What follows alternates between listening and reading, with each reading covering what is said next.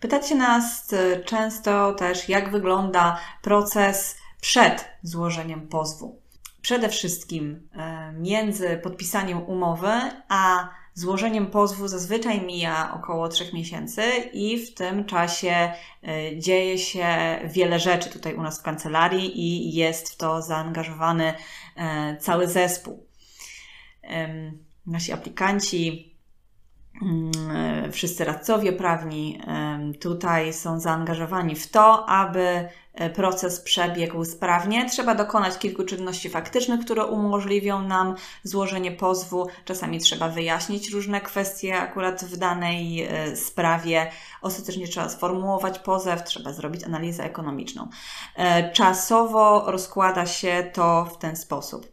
Przede wszystkim składamy reklamację do banku. Nasza procedura cywilna wymaga, aby przed złożeniem pozwu w sądzie spróbować rozwiązać sprawę e, polubownie.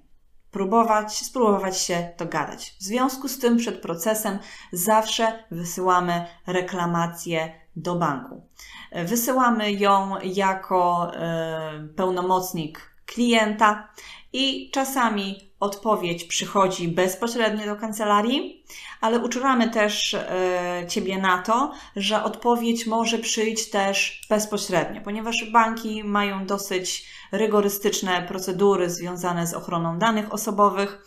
E, I nie zawsze, nawet jeżeli mm, pełnomocnictwo jest prawidłowe e, i zgodnie z polskim kodeksem postępowania cywilnego powinny je respektować, tak, jest w oryginale, zawiera informacje o zwolnieniu z tajemnicy bankowej, albo jest nawet w formie aktu notarialnego, albo z notarialnie poświadczonym podpisem, to często, jeżeli takie pełnomocnictwo nie było udzielone przy pracowniku banku, banku nie będzie respektowane przez bank i odpowiedź wówczas przyjdzie bezpośrednio do klienta. Wówczas e, tą odpowiedź klient e, przesyła nam i ją musimy załączyć e, również do pozwu jako dowód tego, że próbowaliśmy polubownie rozstrzygnąć sprawę przed złożeniem mm, pozwu do sądu. Kolejnym etapem jest zdobycie tak, od banku zaświadczeń przedstawiających historię spłaty kredytu, e, przedstawiających historię e, zmiany oprocentowania, kursu e, oraz tego, w jakiej kwocie został kredyt e, wypłacony.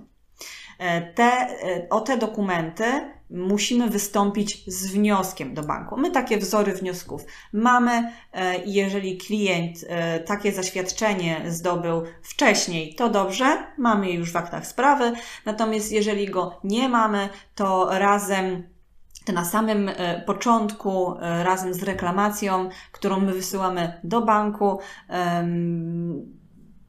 przesyłamy także klientowi E, wniosek o wydanie takiego zaświadczenia. Od takiego zaświadczenia banki pobierają różne opłaty, e, które są ujęte w taryfie opłat i prowizji. Zawsze można wcześniej się w banku dowiedzieć, ile będzie mniej więcej wynosiła taka opłata. E, zazwyczaj jest to od paru dziesięciu do paruset złotych, jest to taka skala opłaty. I my w tym momencie rozpoczynamy przygotowywanie pozwu oczekując na odpowiedź na reklamację i zaświadczenia o historii e, spłaty kredytu. Gdy mamy odpowiedź na reklamację, możemy o nią uzupełnić treść pozwu, e, natomiast zaświadczenia pozwalają nam na zrobienie kolejnej istotnej rzeczy, e, czyli zlecenie biegłemu ekonomiście,